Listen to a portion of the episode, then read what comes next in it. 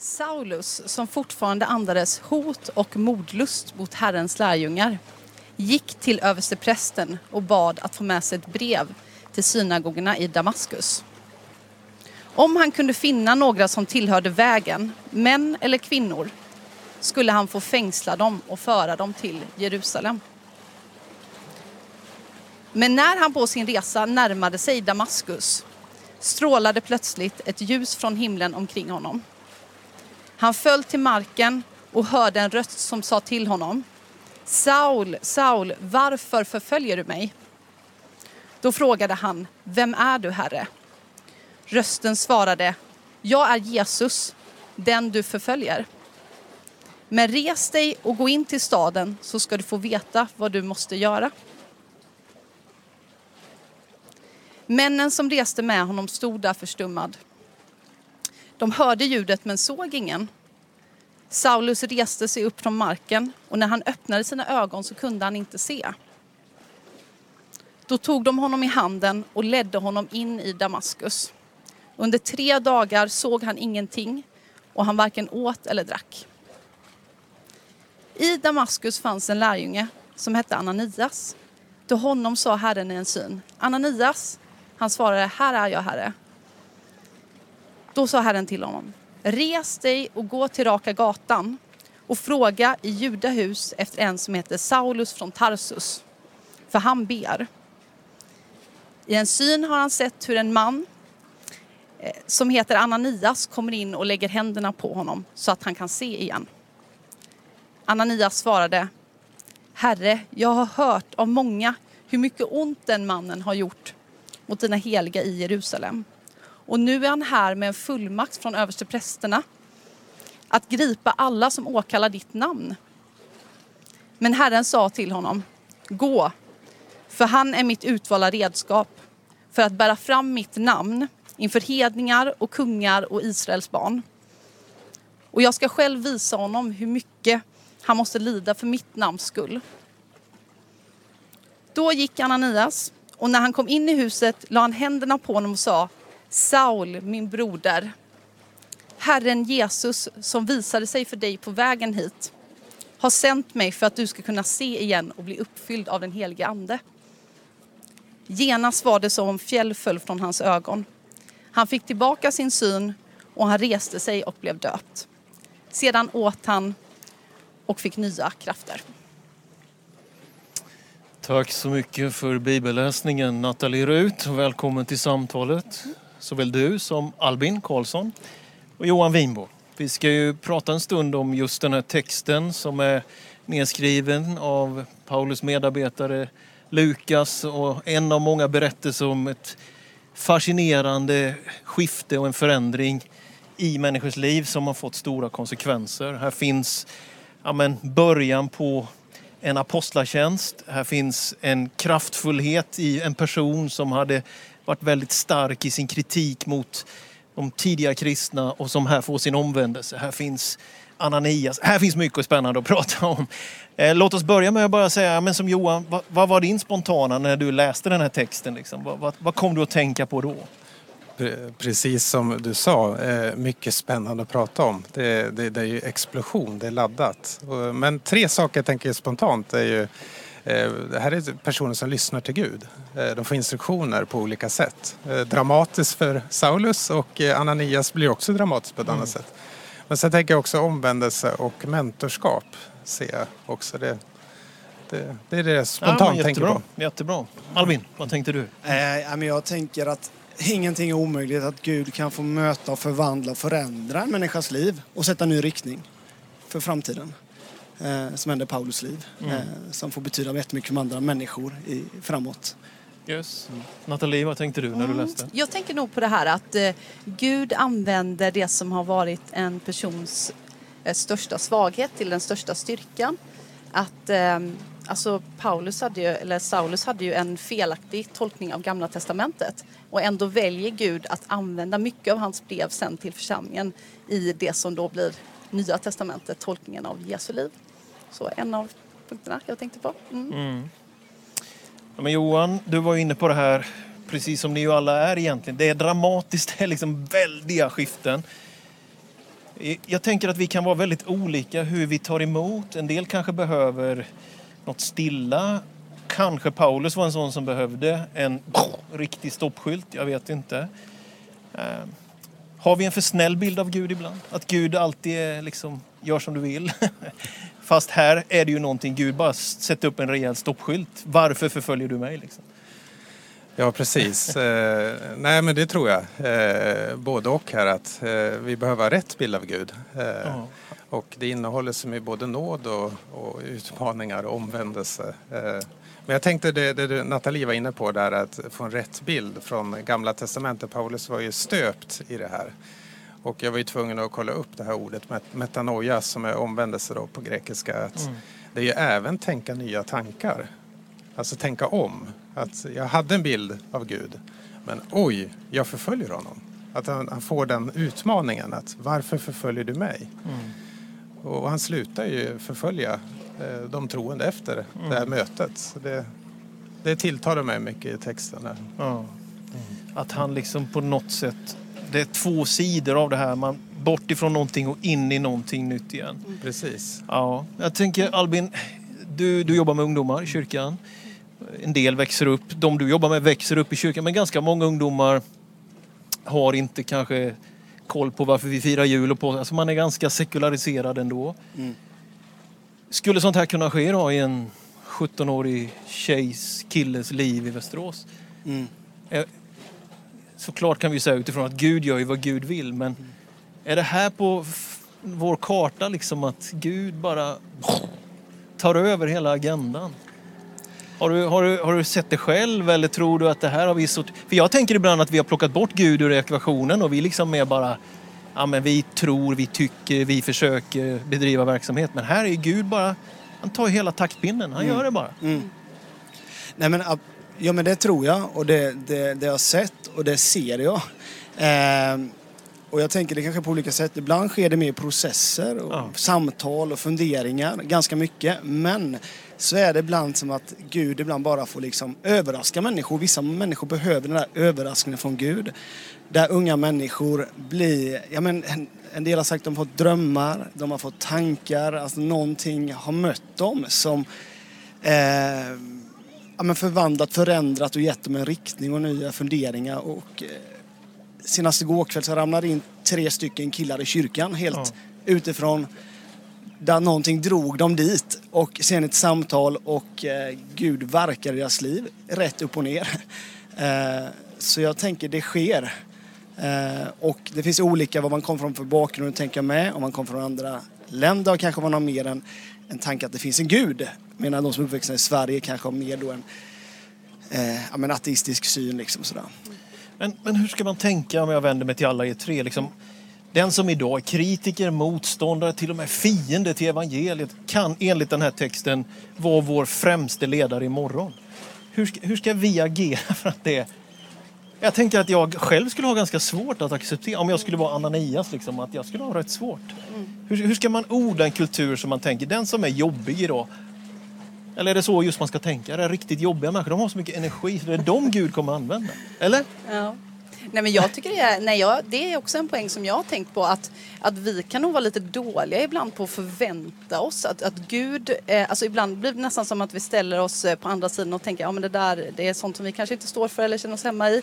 Och att vi nästan ställer oss på andra sidan istället för att tänka så som Gud beskriver sig själv väldigt ofta att han går in i den situationen på samma sätt egentligen som Gud väljer att komma och födas i ett stall och inte bli kung dö på ett kors istället för att härska med våld. Mm. Eh, och där tror jag faktiskt man skulle kunna också tänka som församling att eh, ja, men har vi personer som vi ber för som, eh, som vi tänker att det här är nyckelpersoner, kanske i olika rörelser eller olika, egentligen som är eh, kanske är väldigt opposition till Gud men som Gud väldigt tydligt älskar och eh, också träna oss på att eh, älska dem och möta dem på ett liksom, kärleksfullt sätt. Mm. Mm. Nej, men jag känner mig själv som en frukt av det här att eh, jag lämnar kyrkan 14 år gammal, kommer tillbaka eh, och det är ju bön som har burit. Eh, människor som har bett, särskilt mina föräldrar. De bett. slutar inte be? Liksom. De slutar Nej. inte be och, jag har också en kort eh, vittnesbörd själv där jag har bett för många då, vänner att de ska också få möta det här. Och mycket motstånd. Nej men det är kul för dig men, men jag vill inte. Men eh, jag har faktiskt en, eh, för några år sedan nu så fick jag höra faktiskt eh, hur eh, tog emot Jesus. som jag bett för kanske 13-14 år. Och så får någon skörda sen. Då, var den här personen på en flygplats och, och träffade nå- någon jag såg då på, på Facebook. Hade gjort där att, och han hade bara frågat vad hindrar att du blir frälst? Eh, ingenting. Ja. Och, och så, så ber de och, och han blir frälst. Att, jag, jag tror det är lätt att missa de här processerna kanske. Att, så det inte blir krampaktigt att nu måste vi, nu måste jag göra det här eller. Trust the process liksom. Ja, och Gud verkar. Och, ja. Och man vill ju gärna ha den här Paulus om Ja. omvändelsen radikalt och sådär. Ja. Det, Okej, vi är i Damaskus. Det är en av världens äldsta städer, fortfarande huvudstad i Syrien. Det är den här berömda Raka gatan. Ryktet om Saulus har ju gått före honom. Alla vet att han rasar av modlust, han är hatisk, han vill... Han såg på när Stefanus stenade så tyckte det var rätt ungefär. Han kanske till och med låg bakom fast såg till att inte smutsa ner sina egna fingrar. Typ. Han var... Alltså detta är den, den unga tidiga kyrkans primära motståndare. Hans rykte går före honom. I, Ananias finns en lär, I Damaskus finns en lärjunge Ananias. Och när Gud liksom säger att de gå.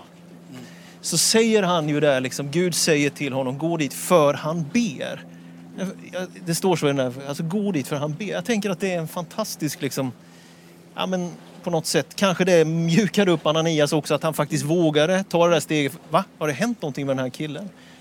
Men ändå liksom att vara en Ananias liksom, jag, jag, jag vet inte.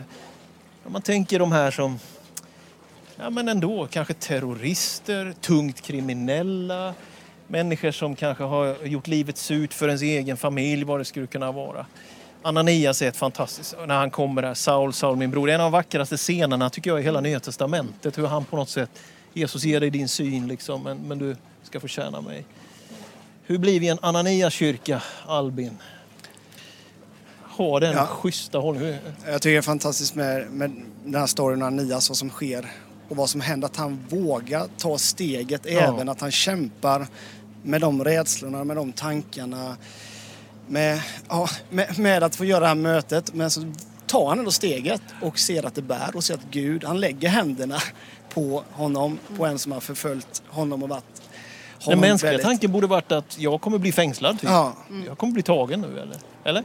Ja, Ja. Och, eh, men ändå så gör han det. Och jag tänker, hur blir vi den modiga kyrkan? Ja, vi, vi börjar i de små stegen. Jag börjar mitt, mina små steg där jag kan göra.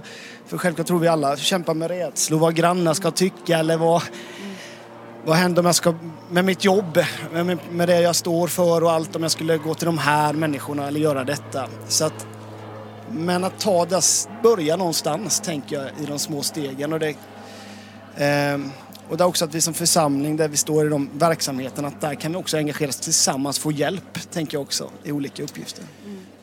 Men t- 2021, kristendom i Sverige. Sitter här på en brygga i Mälaren. Vi har det ju rätt bra. Något varmt, men vi har det bra. Ja, men hur pigga är vi? Hur pigga är vår församling, jag, vi, på förföljelse? Är du sugen på förföljelse? Ja, nej, inte så. Ehm, ja, alltså jag tänker mig att förföljelse ser, kan se olika ut i olika kulturer och i olika eh, liksom, tider. Eh, och jag tänker mig kanske att eh, eh, till exempel så finns det ju kristna i stora delar av världen som förföljs genom att de fängslas och eh, torteras precis som Paulus gjorde, eller Saulus mot eh, de första troende.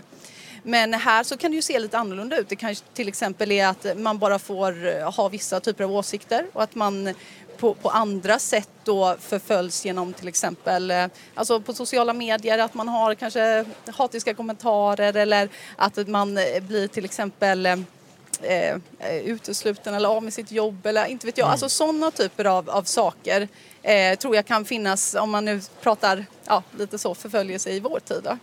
Just det. Och Ja. där, och där, där tror jag verkligen med, när det gäller ungdomar känner av det ännu mer idag. Skolan, hur det pressar på och framförallt vad man ska tycka och tänka.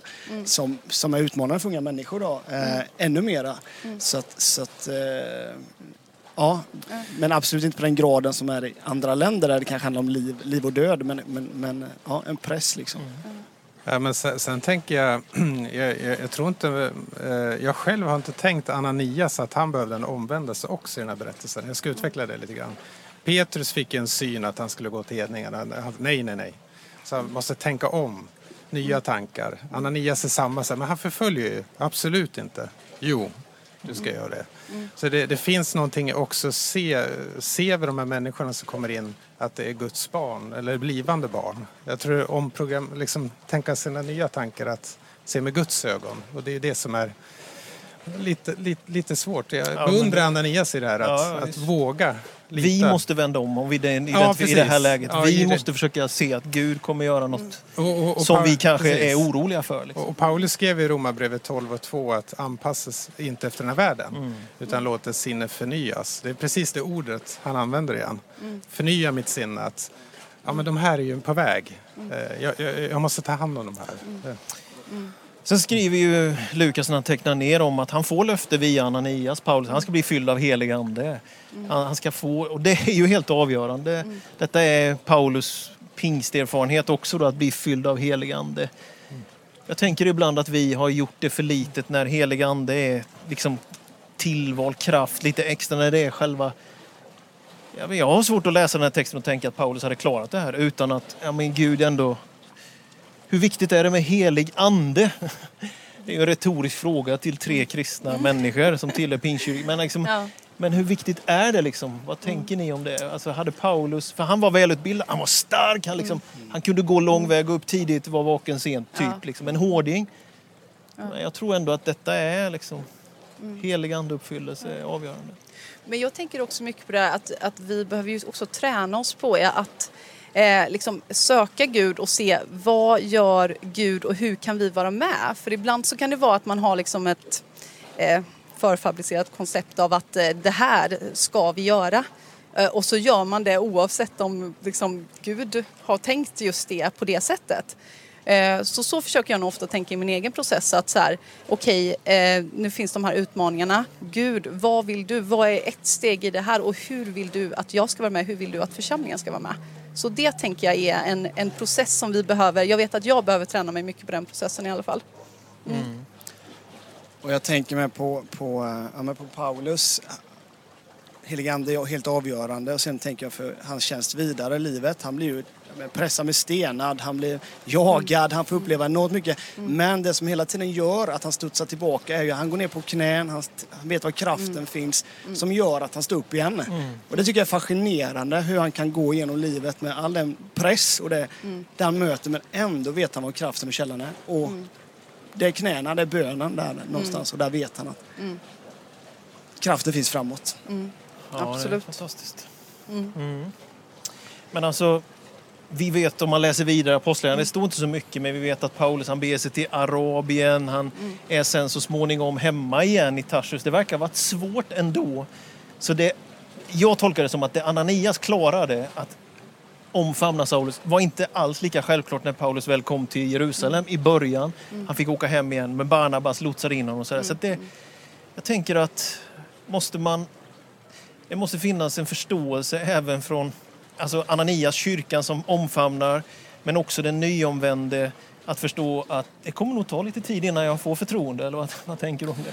Jo, men eh, det, det vi många gånger glömmer är att Paulus hade lång, många, många års erfarenhet innan, in, eller i en tyst, tysta åren. Exakt. Det tror vi missade och det är en viktig, jag har tänkt mycket på det inför det här att, att vi, han behövde ju ett mentorskap. Det var inte bara Ananias, andra personer runt sig, bröderna Petrus och Jakob och de här.